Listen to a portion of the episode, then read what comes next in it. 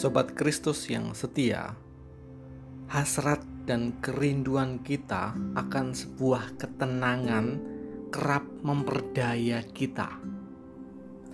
Terkadang kita menganggap bahwa stabilitas, situasi yang menentramkan, kemantapan kondisi merupakan buah nyata dari iman, by product of faith. Namun, cepat atau lambat, sebagaimana Yeremia, kita akan sadar bahwa mengikuti panggilan Tuhan tidak lantas berarti bahwa kita akan serta-merta mengalami kondisi yang tenang dan tentram. Mari menilik kitab Yeremia pasal 20 ayat 7 sampai 9 yang mengungkapkan keluh kesah Nabi Yeremia. Yeremia mengikut Tuhan Allah. Dan ia menjadi nabi yang menyampaikan suara dan isi hati Tuhan Allah. Akan tetapi ia mengalami pergolakan. Sebab ia ditolak, ia ditertawakan, dihina, dan diolok-olok oleh kebanyakan orang. Situasi yang buruk segera membuatnya tertekan, sehingga ada saat-saat ketika ia menolak menyuarakan suara kenabian dan ia tidak ingin mengucapkan firman demi nama Tuhan. Akan tetapi, sebagaimana kesaksiannya, ia ternyata tidak dapat melakukannya. Yeremia berujar, "Apabila aku berpikir aku tidak mau mengingat Dia dan tidak mau mengucapkan firman lagi demi namanya, maka dalam hatiku ada sesuatu yang seperti api menyala-nyala, terkurung dalam tulang-tulangku.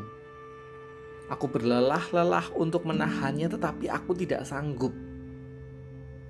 Artinya, terdapat konsekuensi dari mengikut Tuhan. Demikian pula dengan Petrus dalam Perjanjian Baru.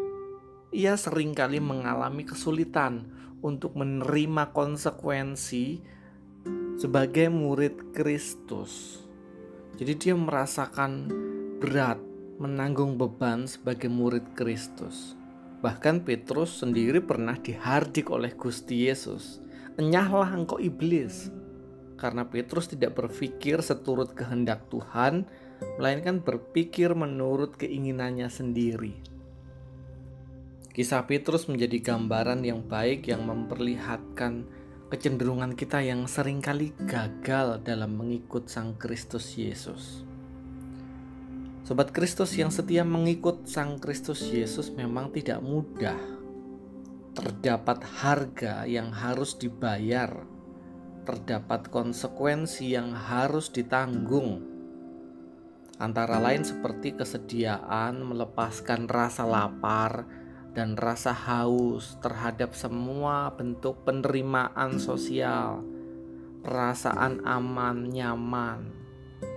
Mengikut Gusti juga berarti kita harus belajar mengabaikan semua gambaran tentang konsep kesuksesan duniawi, serta memikul salib, memberi diri, menyangkal diri, siap mewujudkan cinta melalui pengorbanan diri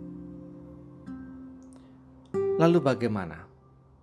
Apakah Anda siap memikul salibnya dan mengikuti Gusti setiap hari? Mari mengingat bahwa Tuhan mengundang kita untuk tidak menjadi serupa dengan dunia, tetapi berubah oleh pembaruan budi, sehingga kita dapat membedakan mana kehendak Allah, apa yang baik, yang berkenan kepada Allah dan yang sempurna. Amin. Mari kita bersama berdoa. Tuhan yang baik, sebenarnya situasi pandemi, situasi krisis yang tengah kami hadapi justru menjadi peluang yang baik. Peluang untuk mencermati diri. Apakah sebenarnya kami telah derek Gusti? Dan tentu Tuhan kami rindu untuk boleh mengikut Sang Kristus Yesus, ngetut wingking Gusti Yesus secara total.